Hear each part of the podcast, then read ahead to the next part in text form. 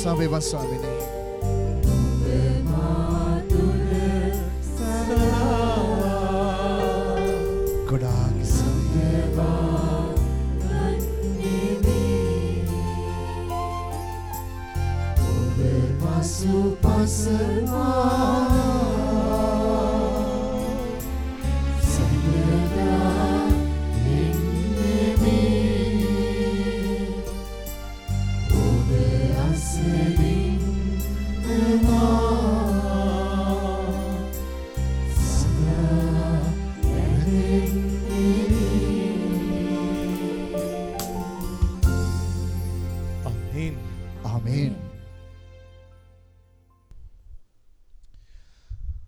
මා ප්‍රේමවන්ත සහෝදර සහෝදරියනි දරුදැරියනි. ඔබව මම කවදාක්වත් අත්හරින්නේ නැහැ ඒ නිසා බයවෙන්න එපයි කියන වචනයක් මිනිස්සුන්ට ඇහෙනවා නම් මිනිස්සුන් ගොඩක් කැමති වේවී. මේ කාල පරිච්ඡේදයේදී රත්නනම් මේ තාත්‍ය පුතේදුවේ ටෙලිෆෝන් කෝල්ස් ගොඩක් එනවා. සමහර අය ලංකාවේ ඉඳලා සමහර අය පිටරට ඉඳලා කෝල් කරනවා. ඒ කෝල් එක දීලා ඉවර වෙලා කියනවා ෆාද කොරෝනා පොසිටිව් වෙලා තියෙන්නේ එනිසා යාඥා කරගන්නයි කෝල් කරේ. ප්‍රේ කරගන්නයි කෝල් කරේ. යාඥා කරන්න පුළුවන්ද. අම්බේ තාත්‍ය පුතේදුවේ ඒ විනාඩියක් තප්පර කීපයක් යාඥා කළා ඉවර වෙද්දී ඔවුන් කියන වචනයක් තියෙනවා. Father, thank you very much. හිතේ තිබිච්ච බය පහවෙලා ගියා. දෙවියන් වහන්සේ මාත් එක්ක ඉන්නවයි කියලා මට දැන් දැනෙනවා. ගොඩක් ස්තුතියි. මට දැන් සුවයි වගේ දැනෙනවා. එතකොට රත්නම් මේ තාත්තේ පුතේදුවේ සුව වෙන්න ඒ මොහොතේදී මාත්‍රාවක් බෙහෙත් ටිකක් දීලා නැහැ. විශ්වාසයක් ඇති වෙනවා දෙවියන් වහන්සේ මාත් එක්ක මේ වෙලාවේ ඉන්නවා. මේ ටිකකට ඉස්සර ස්ප්‍රිතාලයේ ඉන්න ඒ තාත්තා වෙනුවෙන් වීඩියෝ කෝල් එකක් අරගෙන යාඥා කරද්දී ඒ තාත්තා අන්තිමට කිව්වේ ඒකයි. Father, thank you very much. මට ලොකු ශක්තියක් හම්බ වුණා දැන්. ස්වාමින් වහන්සේ මා තුළ ඉන්නවයි කියන ඒ මහා ආදරේ දැනෙන්න ගත්ත මට මට දැන් බයක් නැහැ. මං අද වෙනකම් මේ වෙනකම් මං බයෙන් හිටියා. මට දැන් බයක් නැහැ ස්වාමින් වහන්සේ මා දිහා බලාගෙන ඉන්නවා. ඒ නිසා රත්නම් මේ තාත්තේ පුතේ දුවේ මේ දෙවියන් වහන්සේ මා දිහා බලාගෙන ඉන්නවා ස්වාමින් වහන්සේ කිසිම දවසක මාව අත්හරින්නේ නැහැයි කියන ඒ ගැඹුරු විශ්වාසය කාගේ හරි ජීවිතයට ආවට පස්සේ එතනින් එහාට ශක්තියක් බලයක් ඉබේටම ඇති වෙන්න පටන් ගන්නවා. ඒ නිසා ඔබට මට ඒ බලය දෙන්න ඒ ශක්තිය දෙන්න දිරියේ කාන්තාවක්ව දෙවියන් වහන්සේ ඔබට මට ලබා දුන්නා. මම විශ්වාස කරනවා පප් වහන්සේ සමග එකතු වෙලා දේව අම්මා මේ කාල පරිච්ඡේදයේදී ලොකු දූත මෙහෙවරක් කරමින් ඉන්නවා. මිනිසුන්ගේ ජීවිත අරගෙන බැලුවොත් ඒ ජීවිත විග්‍රහ කරලා බැලුවොත් ඒ ජීවිතවල පැටලිච්ච තැන් ගැටගැහිච්ච තැන් ගොඩක් තියෙනවා. ගොඩක් අය කියන්නේ විසඳුමක් නැති ප්‍රශ්න ගොඩක පැටලිලා ෆාද. උත්තර නැති ප්‍රශ්න ගොඩක මිරිකිලා ෆාද. ජීවිතයේ ගොඩ එන්න පුළුවන් කියන එක නිකම්ම නිකම් සිහිනයක් විතරයි. ඒ සිහිනය සැබෑවක් වෙයිද මේ යථාර්ථය තුළ. එතු රටන මේ තාත්්‍යපුතේ දිවේ මම් ස්වාමි කෙනෙක් වශයෙන් පුරුදු වෙලා ඉන්නේ. මං ජනතාවට කතා කල්ලා කියන්නේ කවුරුවරි ප්‍රශ්නයක් කියපු ගාම්ම පුතේ ඔබේ ෆොටෝ එක අරගෙන ඒ ෆොටෝ එක වටේ ජපමාලයේ තියලා ඒක කුරුස්සේ උඩින් තියලා ඔබ ජපමාලය කියන්න පටන් ගන්න. දේව අම්මට අඩගහන්න ඔබේ ප්‍රශ්නය ඇතුළට අඩගහන්න ඔබේ ප්‍රශ්න ගෙදර තියෙන කරදරේ ඇතුළට අඩගහන්න ඔබේ බාධකේ ඇතුළට අඩගහන්න අඩගහලා මේ දේව අම්මට ඒතන සැරිසරන්ඩ ඉඩ දෙන්න. දේව අම්මට සක්මන් කරන්න ඉඩ දෙන්න. ඔබේ ගේ ඇතුළේ ඔබේ ප්‍රශ්නය තුළ ඔබේ වේදනාව තුළ ඔබේ හැලහැප්පීම තුළ ඔබේ අසරණකම තුළ දේව අම්මට ජීවත් වෙන්න අවස්ථාවක් හදලා දෙන්න. මහිතන්නේ සීයට අනූනමයක් ආහිත් කතා කරලා කියනවා ටික දවසක් ගිහිල්ලා ෆාද අපි රූසරීක කිව්වා ජපමාලයේ කිව්වා ෆොටෝ එක වටේ තියලා කුරුසේ උඩින් තියලා ඒ ප්‍රශ්නවලට විසඳුම අපිට ලැබුණා පුදුම විදියට ප්‍රාතිහාරාත්මකව නිදහස් වෙන්න පුළුවන් කමක් තිබුණා. එතුර බැලූ බැල්මට රත්නම් මේ තාත්්‍ය පුතේදුවේ ඒක නිකන් පුංචි ළමයින්ගේ ක්‍රියාවක් වගේ. ෆොටෝ එකක් අරගෙන ජපමාලයේ වටේ තියලා ජපමාලයේ කියනවයි කියන එක සමහර අය කියනවා. නේ ඒක ඇතුලේ වෙයිට් එක නෑනේ. නේ ඊට වඩා විග්‍රහ කරපු බලයක් විග්‍රහ කරපු දර්ශනයක් විග්‍රහ කරපු නේ ඇදහිල්ලක මාවතකට තල්ලුවක් අපිට ඕනේනේ මේක මේ නමෝ මරිය කියනවනේ එච්චරනේ අපිට තියෙන්නේ. නේ කටපාඩම් කරගෙන මේක කියාගෙන කියාගෙන යනවනේ ඉතින් මේ කටපාඩම් කරලා මේ පුංචි කාලේ ඉඳලා කියන දේවට වඩා මොනතරම් ඇඩ්වාන්ස් ප්‍රයාස් තියෙනවද දැන්? මොනතරම් දැන් දියුණු වෙච්ච යාඥා තියෙනවද? ඇත්තයි.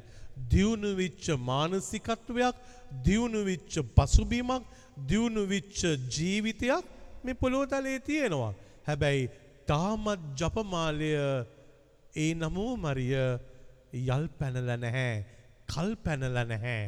තාමත් ඒ ජපමාලයට බලයක් තියෙනවා. දේව අම්ම තුළ ශක්තියක් තියෙනවා. ඇයි එහෙම වෙලා තියෙන්නේ. අපි කියවල බලමු. ජොම්තුමාගේ සුවිශේෂයේ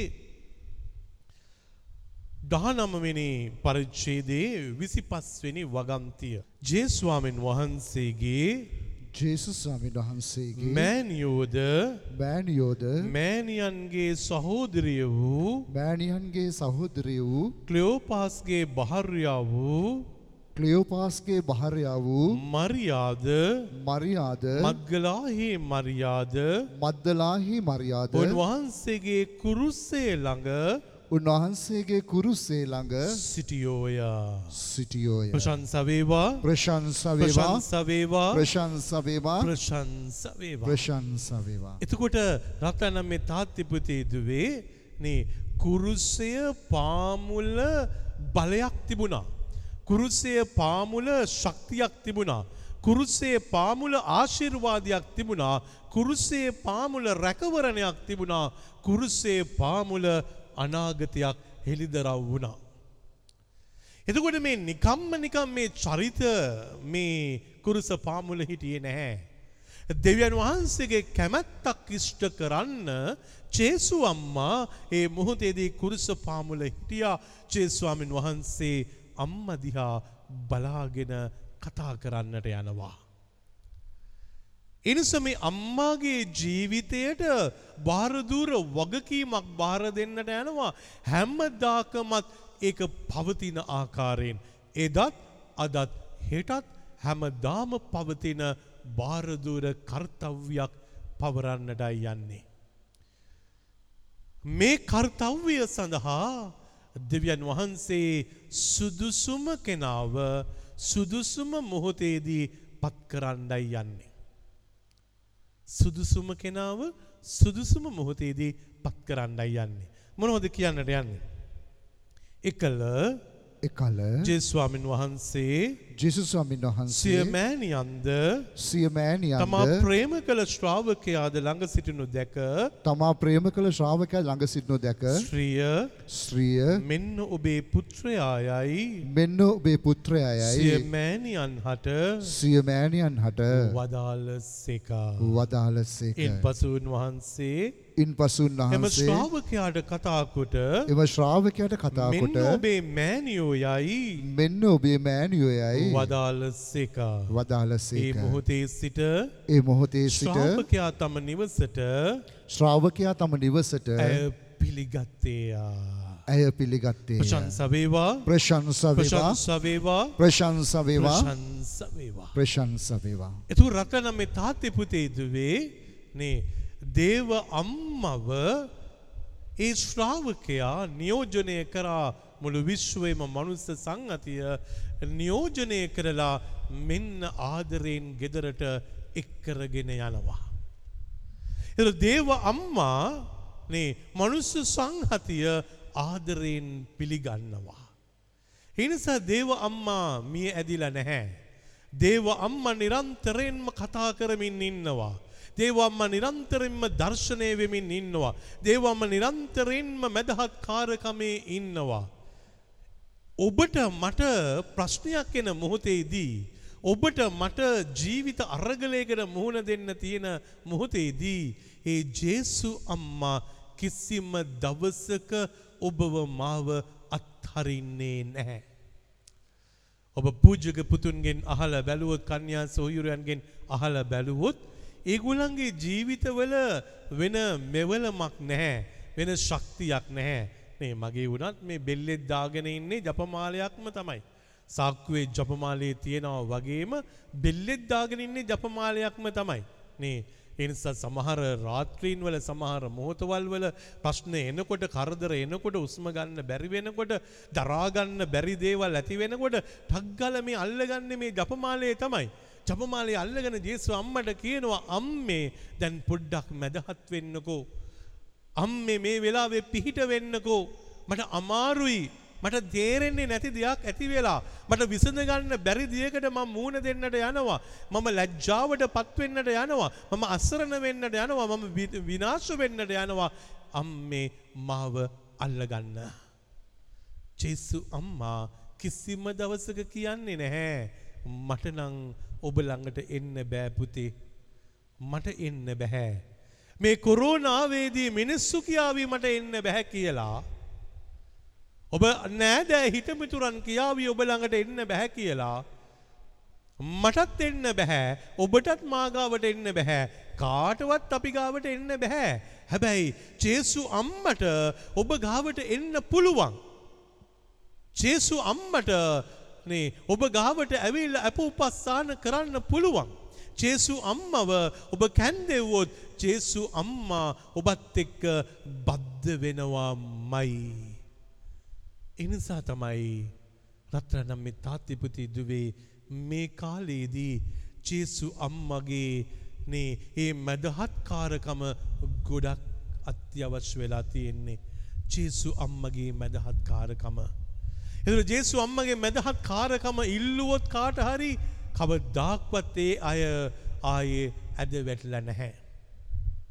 ඇද වැටල නැහැ. මගේ පෞද්ගලික ජීවිතය තුළ නේ මම් පූජාත්‍රය ආරම්භ කරන කාල පරිච්ඡේදයේ ඉඳලම මට හැමදාම කිව්වේ මගේ ලොකු ස්වාමිලා මට කිව්පු දේ තමයි ඩැරල් නේ අඩුම ගානේ නමෝ මරිය තුනක් හරි කියන්න ඕක තමයි කිව්වේ. නමෝ මරිය තුනක් කියන්න. එතකොට මේ නමෝ මරිය තුනක් කියන්න කියන එක නේ මගේ ජීවිතයට හරියට බලපෑවා නමෝ මරිය තුනක් කියන්න කියන එක. එනිසා මට මතකයි නේ මා සේවය කරපු මීසමක පළවෙනි පූජාත්‍රය පූදිවිය පූජාව පවත්වන්න පියතුමා එනකොට මමත් පුංචි ස්වාමි නමුත් මම තමයි ඒක ඔක්කොම ඕගනයිස් කරේ. හැබැයි ඒ පියතුමා එනකොට නේ පූජාව පටන් අරගෙන චූටි වෙලාවයි ගියේ ලොකු වරුසාවක් ඇවිල්ලා. එතකොට පල්ලියක් නැහැ එතන නේ නිකම්ම නිකං කල්වාරයක් විතරයි. ඉතින් උක්කුමලා තෙමෙනවා. පුදසුනත් තෙමෙනවා. පොට්ටික තෙමෙනවා. නේ එතකොට ගොඩක් දෙනෙක් නේ තෙමෙනකොට පොඩ්ඩ පොඩ්ඩ ඈත්වෙන්න පටන් ගත්තා. අර පියතුමා අල්තාරේ ළඟ හිටියා මාත් හිටියා. ඉඳගෙන මං ජේසු අම්මට කිව්වා ජේසු අම්මේ නේ අපිට මේ වෙලාවේ පිහිට වෙන්න. පල්ලිය කොටුවේ නේ වැස්ස වැටිලා නේ අඟල් ගානක් දැම් වතුර පිරීගෙන එනවා. ඒ වෙලාවේ දේව අම්මට කතා කරා. දේව අම්මට කතා කරලා ඉවර වෙලා නේ මාමවුනි කියන ගීතිකාව කියලා ඉවර වෙද්දී නමෝමරියෙන් පස්සේ හිතා ගන්නවත් බැරුව ගියා. පල්ලිය කොටුව ඇතුලේ නේ වහින්නේ නැහැ. පල්ලියේ කොටුවෙන් එහා තාප්පෙන් එහා වටේටම වහිනවා. මගේ ජීවිතේ මම භුක්ති විඳි එතන තමයි පළවෙනි වතාවට මේ බලය කියන්නේ මොකද්ද දේව අම්මගේ එදැන් පස්සේ මගේ ජීවිතේ නිරන්තරයෙන්ම කාලයෙන් කාලයට මං නිරන්තරයෙන්ම ජේසු අම්මත් එක්ක ගනුදෙනු කරා. ගනුදෙනු කරනකොට මං හැම වෙලාවෙම කිව්වා ජේසු අම්මේ මේ මොහොතේදී ඔබ තුමියගේ ඒ මැදහත් කාරකම ඇත්තක් කරලා දෙන්න. මේ ජනතාවට ඇත්තක් කරලා දෙන්න. මේ මිනිස්සුන්ට ඇත්තක් කරලා දෙන්න. නේ. සමහර වෙලාවට දරුවෝ නැහැයි කියලා දුක් විඳින මොහොතේදී නේ වෛද්‍ය ප්‍රතිකර්ම මොනවකත් අපිට කරන්න විදියක් නැහැ. පුංචි දෙයක් කියනවා ජේසු අම්මව ඔබේ ජීවිතයට ඇතුල් කරගෙන බද්ධ කරගෙන ඒ ජපමාලයේ උච්චාරණය කරගෙන ඔබ නේ ජේසු අම්මගෙන් ඉල්ලන්න දරු පැටියෙක් ජේසු අම්මගෙන් ඉල්ලන්න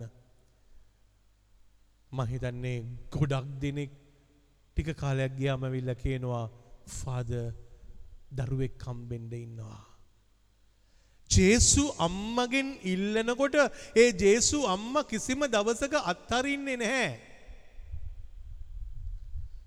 මේ සුදු භූමියට එනකොට රත්තරන් මේ තාත්තේ පුතේ දුවේ මේ ජෝසප් තාත්තට මතක ඇති මේ ඔක්කොම නිර්මාණය කරන්නට මත්තෙන් අර පුංචි ඉස්කෝලේ ඇතුලෙන් නේ එන්න විතරයි තිබුණේ පාත් එක එහෙමයි හදලා තිබුණේ එතකොට අර ඉස්සල්ලාම කරපු දේ තමයි පිටරටෙන් මට හම්බිච්ච රෝසකුසුම් දේවමෑණියන්ව ගෙනල්ලා එතන තැම්පත් කරා මුල්ලක තියලා වෝටෆෝල් එකක් හදලා එතන තිබ්බා. ජේසු අම්මව තමයි තිබ්බේ. හැබැයි දැන් මේ ඔක්කොම දියුණු වීගෙන දියුණු වීගෙන යනකොට ඊට පස්සේ ග්‍රොටෝ එක හැදිලා මේවා දියුණු වෙනකොට අර අතනින් මේ ලෑන්ඩ්ස්කේප් කරනකොට ඒවා ස්ටැචු එක ගැලෙව්වා ගලවපු එක මගේ ඔළුවෙනුත් ගියා. ඊට පස්සේ ඒක නිකම්ම නිකන් ස්ටෝරුවට ගියා. නිකම්ම නිකම් එක බිඳෙන්න පටන් ගත්තා. නේ කිලිටි වෙන්න පටන් ගත්තා. කුණු වෙන්න පටන් ගත්තා. දූවිලි ගහෙන්න පටන් ගත්තා. හැබැයි චේසු අම්මව මම අමතක කරලා ඒ මොහොතේදී ජේසු අම්මට ඒ ගරුත්වය දෙන්න අමතක වෙලා ජේසු අම්මට මේ කෙලෙහි ගුණ සලකන්න අමතක වෙලා හැබැයි ඒ ජේසු අම්මා මාත් එක්ක තරහ වුණේ නැහැ. ඒ ජේසු අම්ම මගෙන් පලිගත්තේ නැහැ. ජේසු අම්ම බලාගෙන හිටියා කවදා හරි කවදා හරි මගේ පුතා ආයෙත් මගේ ජීවිතයට ලං වේවි. ආයෙත් ඒ ජේසු අම්මව නේ එහා පැත්තේ අල්තාරේ පිටිපස්සේ තියලා තියෙනවා දැන්. සුපුවත් අරණ ආරම්භ කරන්න මත් එක්ක හිටියේ එතුමියයි. එතකොට රත්තරන් නම් මේ තාත්තේ පුතේ දුවේ මනුස්ස මට්ටම තුල ප්‍රශ්න ආවා කරදර ආවා බාධක ආවා හැලහැප්පීම් ආවා මේ සෑම දෙයක්ම ජීවිතේ ආවා. එන්නේ නැතුව නෙමෙයි. හැබැයි දෙවියන් වහන්සේ විසින් ජේසුස්වාමීන් වහන්සේ විසින් ඒ දුන්න ජේසු අම්මා කිසිම දවසක අතහැරලා ගියේ නැහැ. මේ සුපුවත්තන්න දාලා ගියේ නැහැ. මන් දන්න එකම දේ තමයි ජේසු අම්මා සුපුවත්තන්න දාලා ගිහිල්ලා නැහැ. ඒ ජේසු අම්මා ඉන්නවා. ඒ ජේසු අම්මගේ ආදරේ තියෙනවා. ඒ ජේසු අම්මගේ මැදහත්කාරකම තියෙනවා. ඒ නිසාම වෙන්නේ නැති නේ මෙජගෝරියට ගිය වෙලාවේදීත් එදා දවසේදී නේ ජේසු අම්මා කිව්වේ දැන් ව- වලාකුළ තියෙනවා කළු කරලා වහිනවා. හැබැයි ජේසු අම්මා කියනවා උඩ බලන්න මම ඉර පෙන්නන්නයි යන්නේ. මං උඩ බැලුවා වලාකුළු විතරයි පේන්නේ වැහිපොදත් එක්ක හැබැයි ජේසු අම්ම දුන්න පොරොන්දුව විනාඩි ගානක් යනකොට අර වලාකුළු ඔක්කොම ඈත් වෙලා ඉර බැබලෙන්න පටන් ගත්තා. අම්මි තාත්තිපුතේ දුවේ දුන්නොත් පොරොන්දුවක් ජේසු අම්මා ඒක කවදාක්වත් කඩන්නේ නැහැ. ඒ නිසා ජේසු පුතා ළඟ හිටපු ජේසු අම්මා එදා දවසේදී ඒ බාර ගන්නකොට ඒ ගෝලයන් ටික ආය කවදාක්වත් කිව්වේ නැහැ. ඒගොල්ලෝ පව්කාරයි, ඒගොල්ලෝ දුර්වලයි, ඒගොල්ලන්ට කෙලෙහි ගුණ නැහැ. ඒ නිසා ඒගොල්ලෝ වෙනුවෙන් මම මැදහත් වෙන්නේ නැහැ කියන එක කිසිම දවසක කියන්නේ නැහැ. අපිට අමතක වෙන්න පුළුවන්. අපි රෝසරි කියන එක නැතුව යන්න පුළුවන්. ජපමාලය උච්චාරණය කරන්නේ නැතුව යන්නට පුළුවන්. මේවා ඔක්කොම අතහැරලා දාලා අපි හිටියත් ජේසු අම්මා ඔබ වෙනුවෙන් මා වෙනුවෙන් බලාගෙනම ඉන්නවා. ඒ නිසාමයි කානා නුවරදී නේ සක්මන් කරපු ජේසු අම්මා කුස්සියේ දැක්කේ අඩුපාඩුව සක්මන් කරපු ජේසු අම්මා. මේ කාල පරිච්ඡේදයේදී ඔබේ ශරීර කූඩුව ඇතුලේ ඔබේ නිවස ඇතුලේ ඔබ ඉන්න තැන ජේසු අම්මා සක්මන් කරන්න පටන් ගත්තොත් ඒ ජේසු අම්මා ගිහිල්ලා දකීවි. කළ යුතු දේ මොකද්ද? කිව යුතු දේ මොකද්ද? ගොඩනැගිය යුතු විදිය මොකද්ද කියන එක ජේසු අම්මා දකින්න යනවා විතරක් නෙමෙයි. ජේසු අම්මා ජේස්වාමින් වහන්සේ වෙතට ගිහිල්ලා ඔබේ මගේ ජීවිතයේ තියෙන අරගලය සහ බැරිභාවය නැතිකම කියනවාමයි. එකයි මේ වෙනස. එනිසා පප්වහන්සේ විශ්වාස කරා නේ පප්වහන්සේ විශ්වාස කරා මේ කාල පරිච්ඡේදයේදී උන්වහන්සේට නේ තියෙන ප්‍රශ්න ගැහැට වේදනාවන් මේ ඔක්කොමත් එක්ක මේ ගැට ලිහෙන දේව මෑණියන් කෙනෙක් මට ඕනේ මගේ ජීවිතයට ඕනේ මගේ ජීවිතයේ ප්‍රශ්න එනකොට කරදර එනකොට නේ සභාව වෙනුවෙන් මනුස්ස සංහතිය වෙනුවෙන් යුද රකුරස්සා වහගෙන මත් කුඩුවලින් වහගෙන ඔක්කෝම තියෙද්දී මට ජේසු අම්මගෙන් ඉල්ලන්න තියෙනවා අනේ ජේසු අම්මේ ගැට ටික ලිහලා දෙන්න මේ ප්‍රශ්න ටික ලිහලා දෙන්න කරදර ටික ලිහලා දෙන්න කියලා. එනිසා මේ ජේසු අම්මා එදත් අදත් ඔබත් එක්ක මාත් එක්ක ඉන්නවා ගැට ටික ලියන්න. හැබැයි ඔබ මා අවසරය දුන්නොත් ඔබේ ප්‍රශ්න වැල දුන්නොත් ඔබේ කරදර වැල දුන්නොත් ඔබේ වේදනාවේ වැල දුන්නොත් ඔබගේ අමිහිරි මතකයන් වල ඒ වැල දුන්නොත් එතුමියගේ දෑතට එතුමිය එකින් එක එකින් එක විසඳගෙන විසඳගෙන ගලවගෙන ගලවගෙන එනවාමයි ඒක තමයි ඇදහිල්ල ඒක තමයි ඇදහිල්ල එනිසා තමයි පාප් වහන්සේ නිරන්තරයෙන්ම කිව්වේ එවැනි ඇදහිල්ලක් ඔබට තියෙනවා නම් දේව අම්ම ගැන විශ්වාසයක් ඔබට තියෙනවා නම් ඔබේ ඒ ගැට ගැහිච්ච හිරවිච්ච තැන ඉදිරිපත් කරන්න. එනිසාම වෙන්න ඇති මේ වගේ යාඥාවක් එදා දවසේදී ලියවුණේ.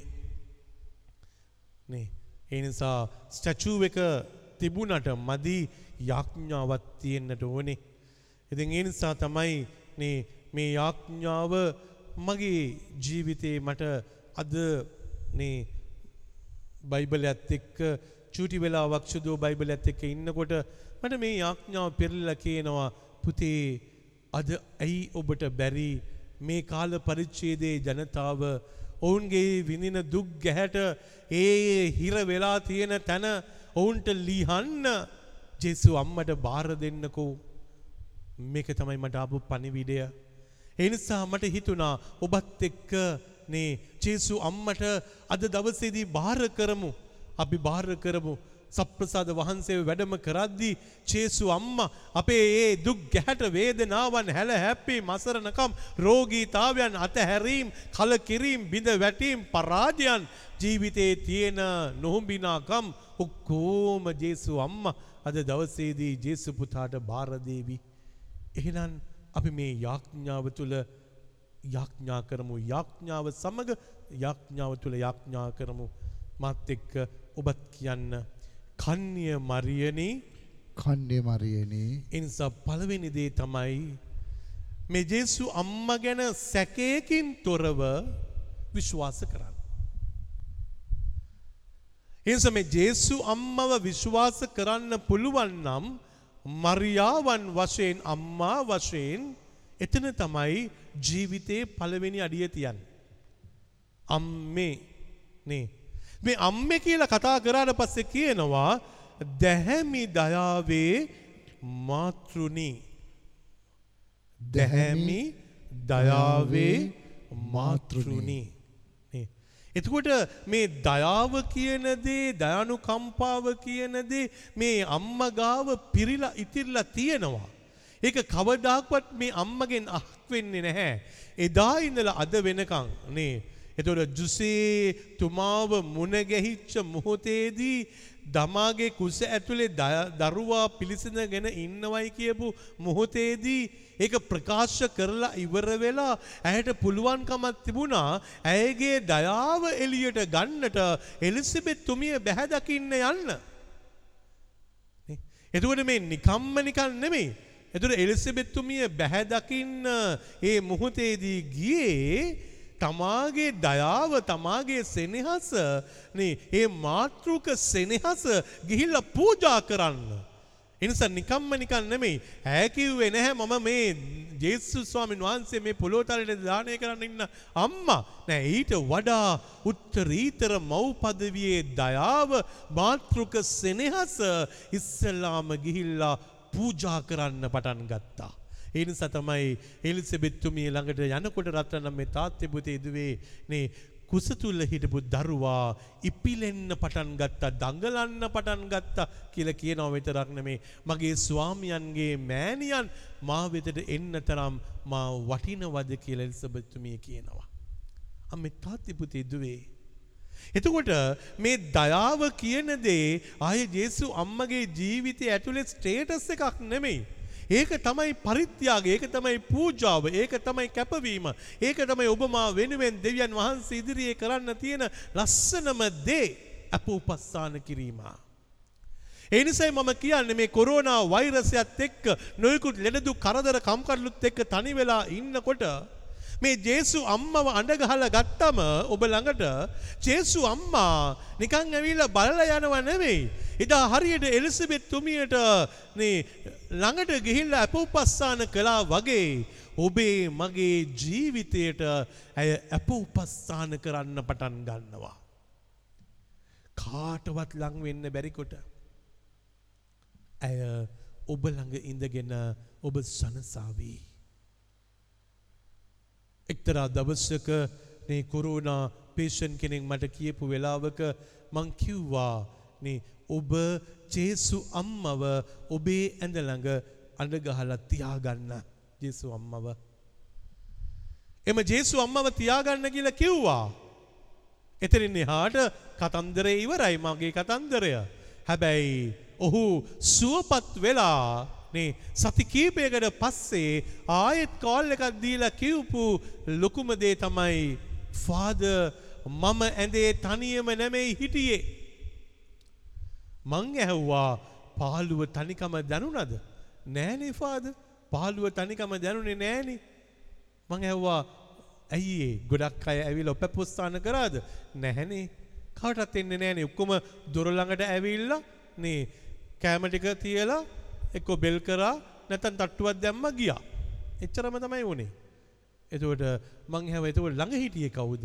ඇයි ජේසු අම්මා මගේ ඇඳ ළඟ එහෙමම ඉඳගෙන හිටියා ඒ දවස් 10 එළියට එනකම්ම කතා කරනකම්ම මිනිස්සුන්ට අම්මේ තාත්තේ පුතේ දුවේ සමහර වෙලාවට අපේ පාළුවේදී තනිකමේදී දයාබරව මාතෘක සෙනෙහස පූජා කරන්න කැමති අම්ම කෙනෙක් ඉන්නවා.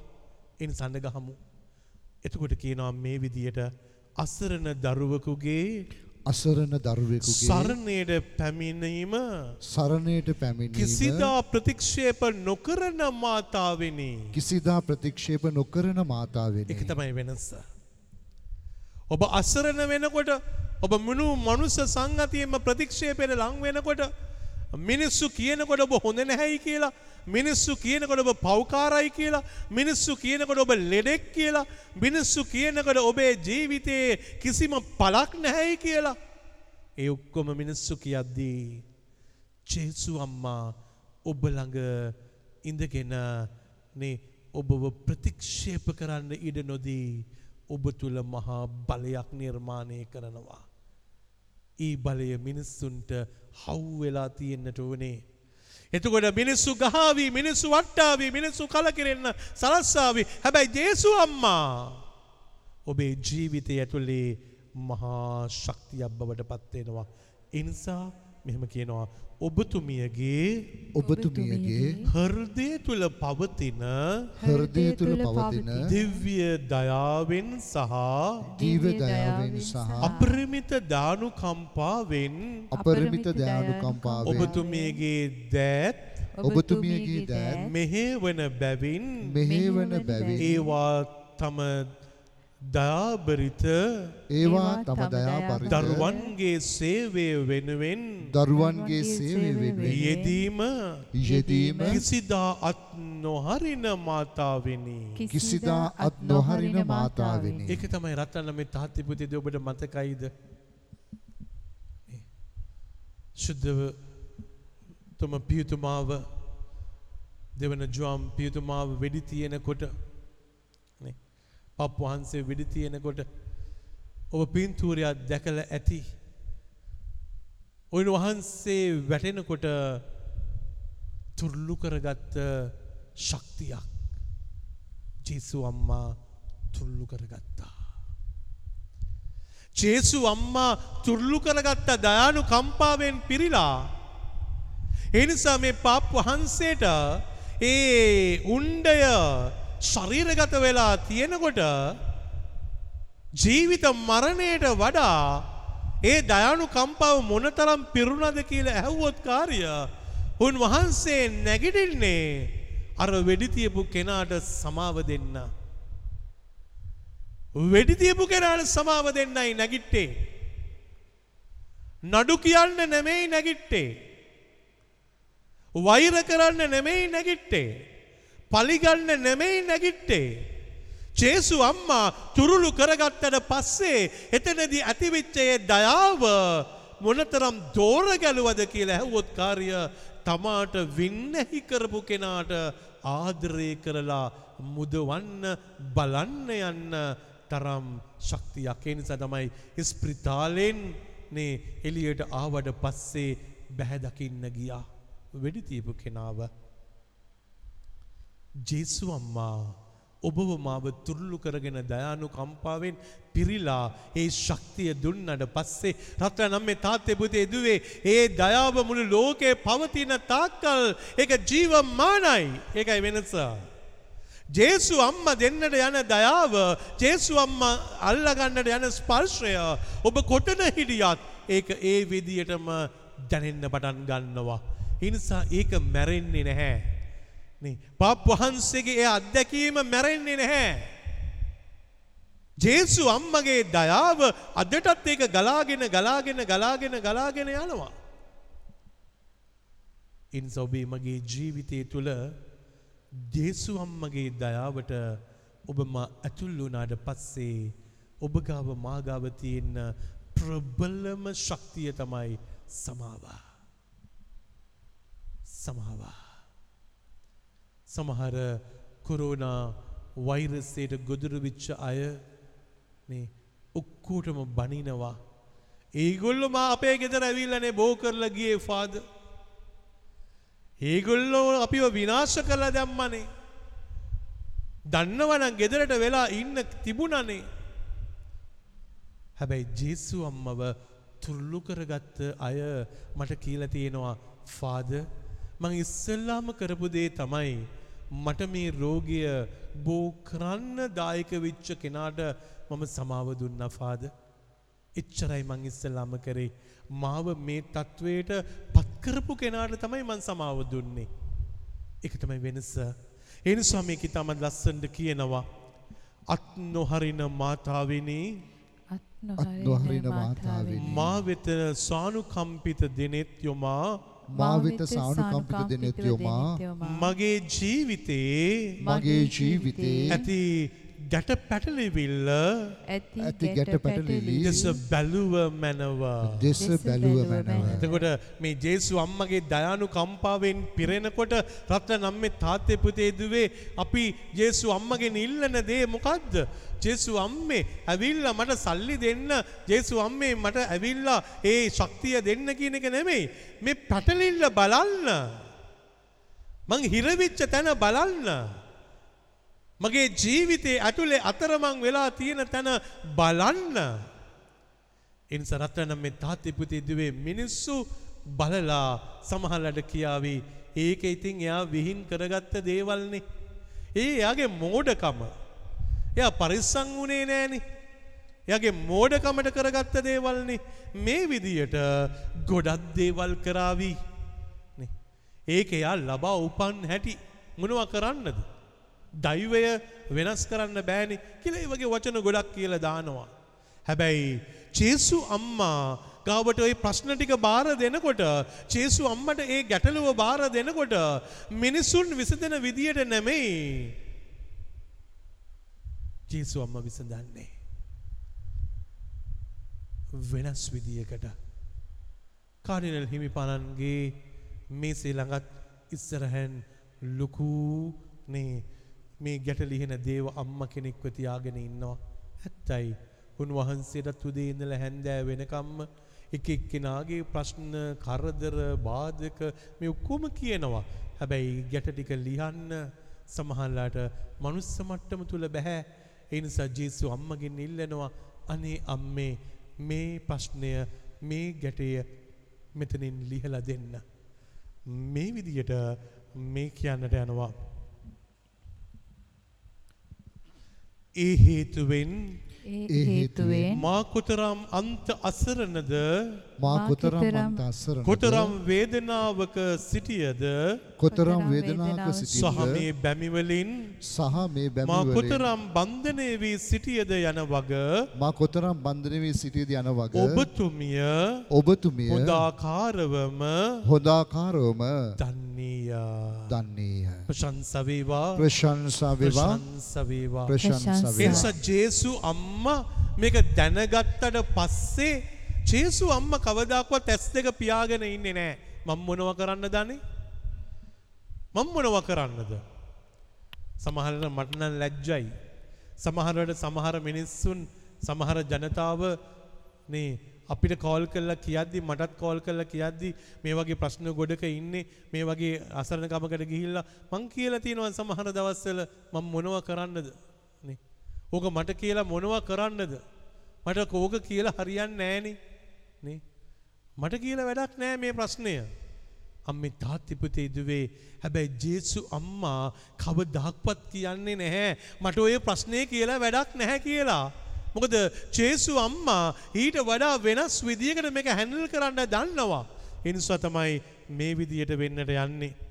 තමන්ගේම දරුවන්ගේ තමන්ගේ දරුවන්ගේ ජීවිත ගැට ලිහන්නට ජීවිත ගැට ලියන්නට දෙවි මහෝත්මැණන් වහන්සේ විසින් දෙවි මහෝත්තමයන් වහන්සේ පවරනු ලැබූ මාතාවන පවුරු ලැබූ මාතාවන මරියාවෙනි මරියාවෙනි ඔබතුමියගේ දෑතට ඔබතුමියගේ දෑතට මගේ ජීවිත පීත්ත පටිය මගේ ජීවිත පීත්තපටිය බාර දෙන්නෙමි. බාර දෙන්නෙමි. ඒ නිසා මේ හදිස්සියේම ඔබට මට හිතිලා මේ ජේසු අම්මට බාර දෙනවා නෙමෙයි.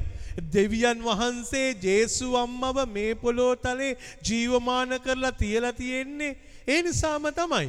ස්වර්ගික මැදහත්කාරකමක් දීලා තියලා තියෙන්නේ ඔබේ මගේ මේ ගැටලු වලින් පිරිච්ච පීත්ත පටිය ආදරයෙන් බාරගන්න පුළුවන් හදවතක් ආදරයෙන් බාරගන්න පුළුවන් දෙනෙතක් ආදරයෙන් බාරගන්න පුළුවන් දෑතක් මේ මොහොතේදී ආදරයෙන් බාරගන්න පුළුවන් දෙසවන් එතුමියට දීලා තියෙන නිසා. ඒ නිසා ඇයට ඇහෙනවා ඇහැට දැනෙනවා ඇහැට පෙනෙනවා ඇයට දෙවියන් වහන්සේගේ අවසරය ලබා දීලා තිබෙනවා ඔබේ මගේ ප්‍රශ්නය විසඳන්න මැදහත්කරුවෙක් වෙන්න. එනිසා බය වෙන්න එපා. මෙහෙම කියනවා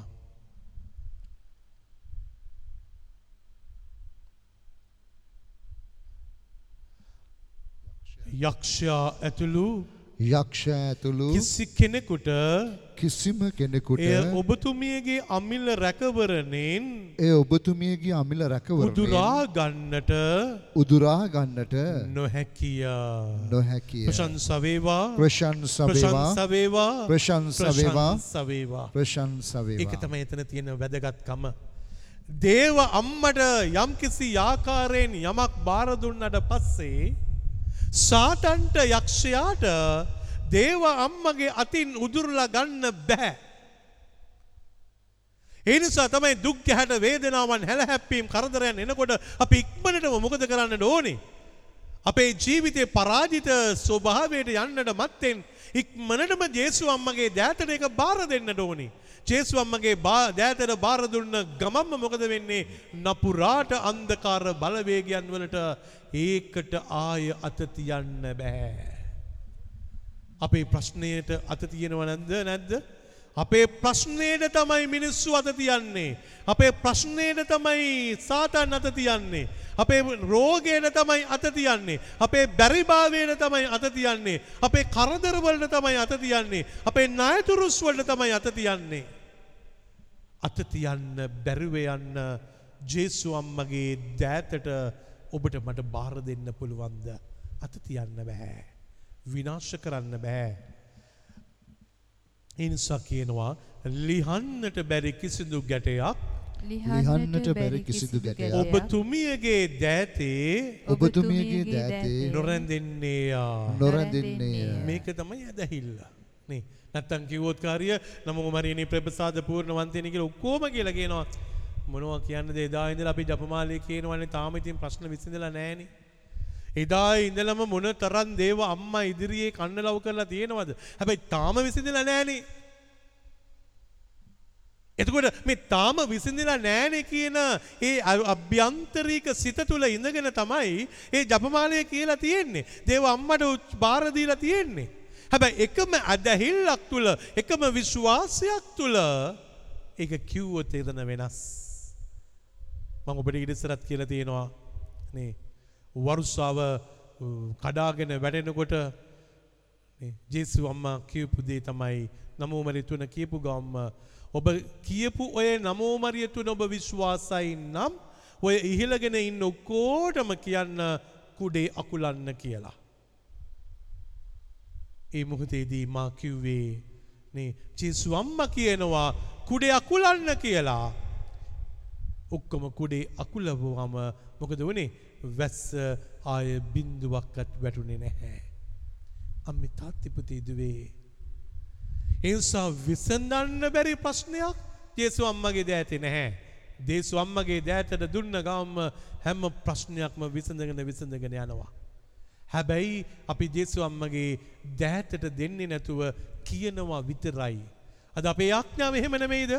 අපේ යාඥාවේදී ගොඩක් දේවල් ජේසු අම්මට කියනවා. හැබැයි ජේසු අම්මට බාර දෙන්නේ නැහැ. හැබැයි ජේසු අම්මගේ දෑතට බාර දුන්නොත් ඒකේ අයිතිවාසිකම ආයෙත් ගන්නත් බෑ. දැන් මොකද කියන්නේ? ජේසු අම්මට මං කිව්වා. එච්චරයි. බාර දුන්නද? ඔව්. දැන් ප්‍රශ්නේ ඒක තමයි තාමත් ඒ වගේම තමයි. ප්‍රශ්නය තාමත් ඒ වගේම කියලා මතකේ තියාගෙන ඉන්නවා. කවුරුත් කියනවද මං ජේසුවමට බාර දුන්නා. ඇය ඒකට උත්තරේ දේවි. නේ. එහෙම කියනවද? නැහැනේ. මොනවද කියන්නේ? තාමත් නෑනේ. තාමත් නෑ. තාමත් නෑ. තාමත් නැහැ. බාර දුන්නට පස්සේ අයිතිවාසිකම දුන්නට පස්සේ ඔබ කියනවා නම් ජේසු අම්මා විසඳලා දෙනවාමයි. එතරින් එහාට ජේසු අම්මගේ අතේ නොවිසුඳුන ගැටලු ප්‍රශ්න මොනවක්කත් නැහැ.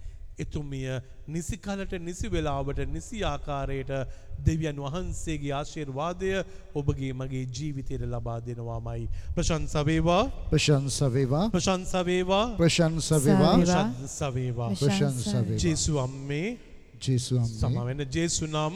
ජේසු නම් ඔබතුමියගේ පුත්‍රයාණන් වහන්සේ ඔබතුමේගේ පුත්‍රයන් වහන්සේ සහමාගේ විමුක්තිදායකයාණන් සමග සහ මාගේ විමුතුදායකයන් සමග පවතින මැදහත්කමේ බලයෙන් පවතින මැදහත්කමේ සහ බලයෙන් ඔබතුමියගේ සහ ඔබතුමියගේ වරප්‍රසාදයෙන් අද වරප්‍රසාදයෙන් දින අද දින මේ ගැටලු මේ ගැටලුව ඔබතුමියගේ දෑතට භාරගත මැනව.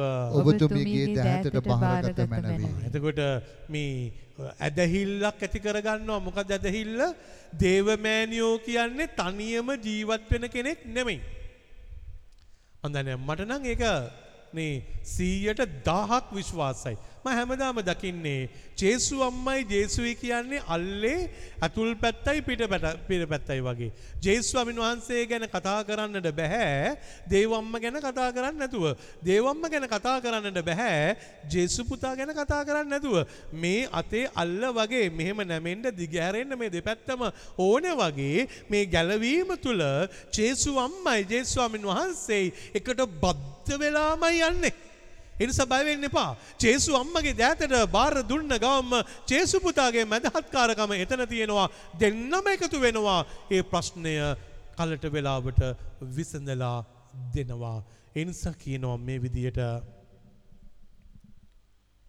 දෙවියන් වහන්සේගේ මහිමේ පිණිස දෙවියන් වහන්සේගේ මහිමේ එය පිණිස ලිහා දෙන ලෙස ඒ ලිහා දෙන මම ලෙස උදක්ම කන්නලව් කරමි. මම උදක්ම කන්නලව් ඔබතුමිය කරමි. මාගේ බලාපොරොත්තුවයි ඔබතුමිය මාගේ අහෝ මාගේ බලාපොරොත්තුවයි ස්වාමිදුවෙනි අහෝ මාගේ දෙවියන් ස්වාමිදුවනි වහන්සේ මා වෙත දානය කරන දෙවියන් වහන්සේ මා වෙත දානය එකම කරන සැනසීම එකම සැනසීම ඔබතුමියයි. ඔබතුමියයි ප්‍රශංසා වේවා. ප්‍රශංසා ප්‍රශංසා වේවා.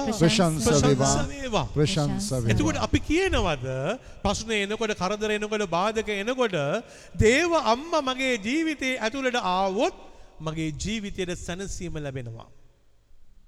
එහෙම කියනවද? නෑ. අපි මොනවද කියන්නේ? නේ මට සනසන්න කතා කරන්න කවුරුත් නෑ අනේ. මාව සනසන්න කවුරුත් නෑ. මට සැනසීමක් නැහැ. මට සැනසීම දෙන්න කෙනෙකුත් නැහැ. ඇත්තයි. හැබැයි දෙන්න කෙනෙක් නැතිකොට අඬ ගහගන්න ජේසු අම්මව සැනසීම ජේසු අම්මා ඔබ මා වෙනුවෙන් දෙවියන්ගෙන් ස්වර්ගෙන් ඔබට මට තෑග්ගක් වශයෙන් ඉල්ලලා දෙනවාමයි. ඉනිසා මෙහෙම වෙන්නට යනවා. දෙවියන් වහන්සේ දෙවියන් වහන්සේ මා වෙත දානය කරන මා වෙත දානය කරන එකම සැනසීම එකම සැනසීම ඔබතුමියයි. ඔබතුමියයි දෙවියන් වහන්සේ දෙවියන් වහන්සේ මා වෙත දානය කරන මා වෙත දානය කරන එකම සැනසීම එකම සැනසීම ඔබතුමියයි. ඔබතුමියයි දෙවියන් වහන්සේ දෙවියන් වහන්සේ මා වෙත දානය කරන මා වෙත දානය කරන එකම සැනසීම එකම සැනසීම ඔබතුමියයි. ඔබතුමියයි දුර්වල වූ මා දුර්වල වූ මා ශක්තිමත් කරන බලකොටුවයි. ශක්තිමත් කරන බලකොටුවයි. එතකොට නිකම්ම නිකන් නෙමෙයි. සැනසීම දීලා දුර්වලකම දැකලා ඒ දැකපු දුර්වලකම වෙනස් කරලා බලකොටුවක් විදියට බලය ඔබේ මගේ ජීවිතය ඇතුලේ ස්ථාපිත කරනවාමයි. එනිසා ගොඩක් අය අහනවා මගෙන් අහලා තියෙනවා ජේසු අම්මව අඬගහ ගත්තොත් මොනවද වෙන්නේ කියලා. මම බය නැතුව කියනවා ජේසු අම්මව ඔබ අඬගහ ගත්තොත් ජේසු අම්මා බලයක් ඔබේ ජීවිතය තුල ස්ථාපිත කරනවාමයි. බලයක් ස්ථාපිත කරනවා. හැබැයි ඒ බලය අපිට සමහරට හවුවෙන්නේ හවුවෙන්නේ මිනිසුන්ට බලය හවුවෙන්නේ නැහැ. ඒ නිසා මිනිස්සු ඒ බලය හොයාගෙන හැමතැනම යනවා. හැමතැනම ගිහිල්ලා කියනවා අන්තිමට බලයක් නැහනේ. ශක්තියක් නැහනේ. ජේසු අම්මා ඔබ තුල ජීවමාන වෙනකොට ජේසුවම්ම ඔබ තුළ ජීවමාන වෙනකොට රටනම් මේ තාත්තේ පුතේ දුවේ ඔබේ මගේ ජීවිතය බලයෙන් පිරිච්ච ශක්තියෙන් පිරිච්ච ඇදහිල්ලෙන් පිරිච්ච විශ්වාසයෙන් පිරුණු දේවිකත්වයෙන් පිරුණු මහා පහන්ටබක් බවට පත්වෙනවා මයි. එක තමයි වෙනස. ඉන්සන්න ගහන්න. එතකොට කියනවා මේ විදියට මා අන්ත මගේ අන්ත මාගේ අන්ත නිස්සාර භවේ නිස්සාර භවේ සරුසාරකමයි. සරුසාරකමයි එනිසා මෙ නිස්සාරවද ඉන්න මොහොතේදී සරුසාරකම අම්මේ ඔබයි. එනිසාම වෙන්න ඇති මේ සමහර යුවල් මටවිල්ල කියනවා ෆාද නේ අපි සරු නෑ ෆාද දරුවෙක්ව උපද්දවන්න තරම් සරු නෑ නේ. එතුර දරුවෙක්ව උපද්දාන්න තරම් සරු නැතිකොට මම කියනවා ඔබ ජේසු අම්මව ඔබේ ජීවිතය ඇතුළේ රඳවගෙන ඇයගේ ජීවිතයේ බලය උරල ගන්න කියලා කියපුවාම ගොඩක් අය මට ඉල්ල කියනවා ෆාද නිසරුයි කියපු අපිට දරු සම්පත් දැන් ඇත්තක් වෙලා. සරු නැහැ නිසරුයි. සමහර ඇවිල්ල කියනවා ෆාද බිස්නස් එක බින්දුවයි ජීවිතේ ඉවරයි වහටික බීල මැරෙන්ඩ විතරයි තියෙන්නේ. එහෙම කියපු අයට චේසු අම්මව ගෙදරට එක් කරනන්න කියපුවාම චේසු අම්මව බිස්නස් එක ඇතුළට ගෙනියන්න කියපුවාම ඒගොල්ලෝ ඇවිල්ලා දැන් කියනවා father we are doing good අපි හොඳට කරනවා ෆාද අපි හැම දෙයක්ම දැන් සාර්ථකයි. ඇයි ඒ නිසරු බව අසාර්ථක තැන ජේසු අම්මා ඔබ හැඳවගත්තොත් සාර්ථකත්වයේ ප්‍රතිමූර්තිය සාර්ථකත්වයේ ශක්තිය සාර්ථකත්වයේ බලය ජේසු අම්මයි. එනිසා මේ විදියට වෙන්නට යනවා. ක්‍රිස්තුස් ස්වාමීන් වහන්සේ සමග ක්‍රිස්තුස් සමිධානසේ සමග මගේ බැමිවලින් මගේ බැමිවලින් මා ලබන නිදහසයි. මා ලබන නිදහස එනිසා ගොඩක් අය කියනවා මට නිදහසක් නෑනේ. I don't have enough freedom. I'm just stuck මම හිරවිච්ච කෙනෙක්.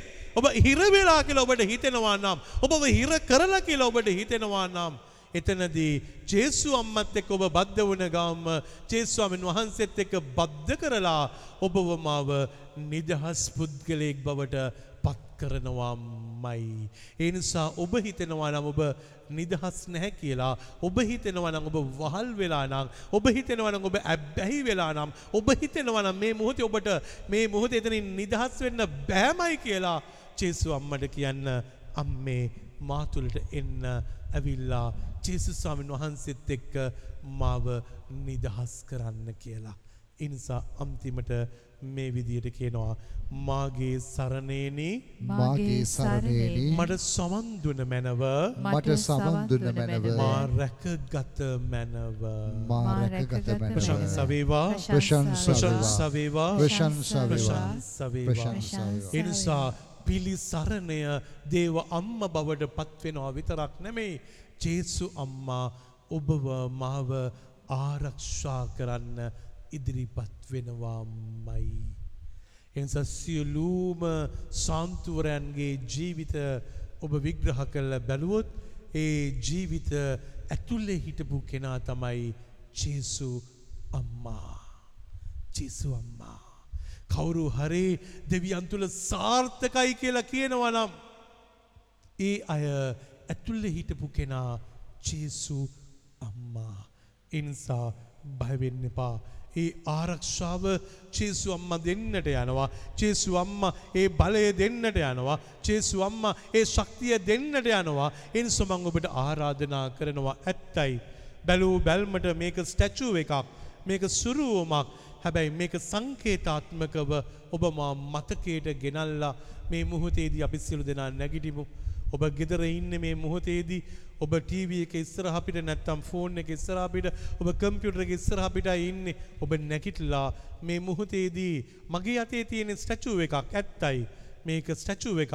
හැබැයි අපිට දේව අම්මව මතක් වෙනවා දේව අම්මව දැනෙනවා දේව අම්මව හැඟෙනවා දේව අම්මව වැටහෙනවා දේව අම්මගේ ඒ ප්‍රාතිහාරාත්මක බලය ඒ ප්‍රාතිහාරාත්මක මැදහත්කම අපිට දැනෙන්නට යනවා. එනිසා මේ රාත්‍රයේදී අපි විශේෂාකාරයෙන් ජේසු අම්මට කියමු මේ මොහොතේදී අපි වෙනුවෙන් මැදහත් වෙන්න කියලා. එනිසා ඔබගේ අත් දෙකම දික් කරන්න ජේසු අම්මා වෙතට මේ මොහොතේදී ස්ටැචු එක වෙතට නෙමෙයි ජේසු අම්මා වෙතට මේක සංකේතාත්මක ඔබ ඉදිරියේ තියාගෙන ඉන්නේ. ඔබ මේ මොහොතේදී ඇස් දෙක වහගන්න ඇස් දෙක වහගෙන ඔබගේ ජීවිතයේ තියෙන හැම ගැටයක්ම වේදනාත්මක මතකයක්ම ගැටලුවක්ම ප්‍රශ්නයක්ම කරදරයක්ම අසරණකමක්ම ණයතුරු සියල්ලක්ම ඔබේ ජීවිතයේ විසඳුම් නැති හැම තැනක්ම මේ මොහොතේදී විසඳෙන්නේ නැති රෝගය විසඳෙන්නේ නැති කලකිරීම ඒ සියල්ලක්ම මේ මොහොතේදී ජේසු අම්මගේ ජීවිතයට බාර කරන්න ජේසු අම්මට ස්තුති පූර්වකව බාර කරන්න බාර කරන්න මේ මොහොතේ ඔබේ වචන වලින් කතා කරලා කියන්න. අනේ ජේසු අම්මේ මේ මොහොතේදී අපේ දේශය ඔබතුමියගේ දෑතට බාර කරනවා. මුළු ලෝකේම ජනතාව බාන්ත ඔබතුමියගේ දෑතට බාර කරනවා. මේ කොරෝනා වෛරසයත් එක්ක ජීවිතයේ මරණයත් එක්ක පොරබදින ඒ සියලුම දෑත ජීවිත ඔබ වහන්සේගේ ඔබතුමියගේ දෑතට බාර කරනවා. මනුස්ස මට්ටම තුළ ඒ වෛද්‍යවරුන්ව ඒ හෙදියන්ව ඒ සෞඛ්‍ය ශ්‍රේෂ්ඨය ඒ සියලුම දෙනා මේ මොහොතේ ඔබ ඔබතුමියගේ දෑතට බාර කරනවා. මනුස්ස මට්ටම තුළ ස්ප්‍රිතාලවල ඉඩ නැති වෙලා හොටෙල්ස් වල ඉඩ නැති වෙලා කාමර නැති වෙලා මේ හැම කෙනෙක්ම අසරණ වෙලා ගෙවල් වල පුදුමාකාර විදියට කලකිරිලා නැති වෙලා මේ මොහොතේදී ජේසු අම්මේ වඩින්න ජේසු අම්මේ වැඩම කරන්න ජේසු අම්මේ ගිහිල්ලා ඒගොල්ලන්ගේ දිව ජීවිත ඇතුළට ගිහිල්ලා ඔවුන්ගේ ජීවිතවල අපෝපස්ථාන කරන්න එදා එලිසබෙත් සොමිය බැහැදකලා ඒ අපෝපස්ථාන කළා. වගේ මේ මොහොතේදී අපෝපස්ථාන කරන්න නැගිටව ගන්න කලකිරලා ඉන්නව නැගිටව ගන්න. අක්ෂරලා ඉන්නව. අල්ල ගන්න බැරි වෙලා තියෙන අයව. නිදහස නැති වෙලා තියෙන අය. අප්‍රහ වෙලා ඉන්න අයව. නිදහස් කරගන්න ජේසු අපේ මෙදාත් වෙන්න අද දවසේදී ආරක්ෂා කරන්න අපගේ එයාගේ ශරීරය ඇතුළේ තියෙන ඒ ප්‍රතිශක්තිකරණය වැඩි කරලා ඒ වම්මේ මේ අභියෝගය ජය ගන්න පුළුවන් ශක්තිය දෙන්න? මේ තුල ජීවිතේ වැරදි මාර්ගවල යන වැරදි ක්‍රියාවන් යන සියලුම රාජ්‍ය නායකයන් වහන්සේ විමන හෙළන වහන්සේගේ දේව රාජ්‍යයේ ඒ බුදුන්ගේ බලයේ ජීවිත අම්මේ ඔබතුමිය මේ මොහොතේ පරවන්තයි අම්මේ ඔබතුමිය අපිට දුන්නු ශක්තියයි දෙවියන් වහන්සේ ඔබතුමිය අපිට දුන්නේ ඒ මා රැකවරණය තුලයි ඒ නිසා දෙවන්නේ ඔබතුමිය හැමදාම අපි ළඟ ඉන්නවා ඔබතුමිය හැමදාම අපිත් එක්ක ඉන්නවා ඔබතුමිය හැමදාම අපිව දාලා ගියේ නෑ නිරන්තරයෙන් අපිව ශක්තිමත් කරා ඒ නිසා මේ අභියෝගය ජය ගන්නට ඔබතුමිය අපිට ශක්තිය දෙනවා මේ ව්‍යසනයට මුහුණ දෙන්න ඔබතුමිය අපිට ශක්තිය දෙනවා මේ මේ වසංගතය ජය ගන්නට දේව රාජ්‍යය මේක තුල ප්‍රකාශ කරන්නට දේව රාජ්‍යය මේක තුල ගොඩනගන්නට මේ වසංගතය ඇතුලේ දෙවියන් වහන්සේව මහිමයට පත් කරන්නට ඔබතුමිය අපිට ශක්තිය දෙන නිසා ඔබතුමිය අපිත් එක්ක ඉන්න නිසා සූදී දේවම්මේ ජේසුනි ජේසුනි ඒ අම්මව අපිට දුන්න නිසා ඒ අම්මව අපිට අයිති කර දුන්න නිසා ඒ අම්මගේ අයිති අපිට දුන්න නිසා ඒ අම්මගේ ජීවිතේ ඵලය අපිට දුන්න නිසා සූදී ජේසුනි සූදී ජේසුනි අද අපි අසරණ වෙලා අපිට කවුරුත් නැති වෙලා අපි හැම කෙනෙක්ම අතාරිද්දි දේවම්මේ එන්න එන්න අපි ළඟට ඇවිල්ලා අපිව බලාගන්න දේවම්මේ රාජ්‍ය නායකයෝ අපි අතහැරලා අපේ මනුෂ්‍ය නායකයෝ අපි අතහැරලා ඒ අය කරන්න දෙයක් නැති වෙලා. අපේ ඒ නිසා වෛද්‍යවරු අසරණ වෙලා මේ මොහොතේ ස්පිරිතාල පිරලා තියෙද්දි දේවම්මේ එන්න වඩින්න දේවම්මේ අපේ දේශයට වඩින්න අපේ මේ දේශයට වඩින්න මුළු ලෝකයේ තුලම ක්‍රියා කරන්න දේවම්මේ එන්න දේවම්මේ නමෝ මරියනී. ප්‍රිය ප්‍රසාද පූර්ණවන්තියනී. ස්වාමින් වහන්සේ ඔබ කෙරෙහිය. ශ්‍රීන් නතුරෙන් ආශිර්වාද ලද්දී ඔබ වහන්සේමය. අපි සුදනම කිමු නමෝ මරියනී.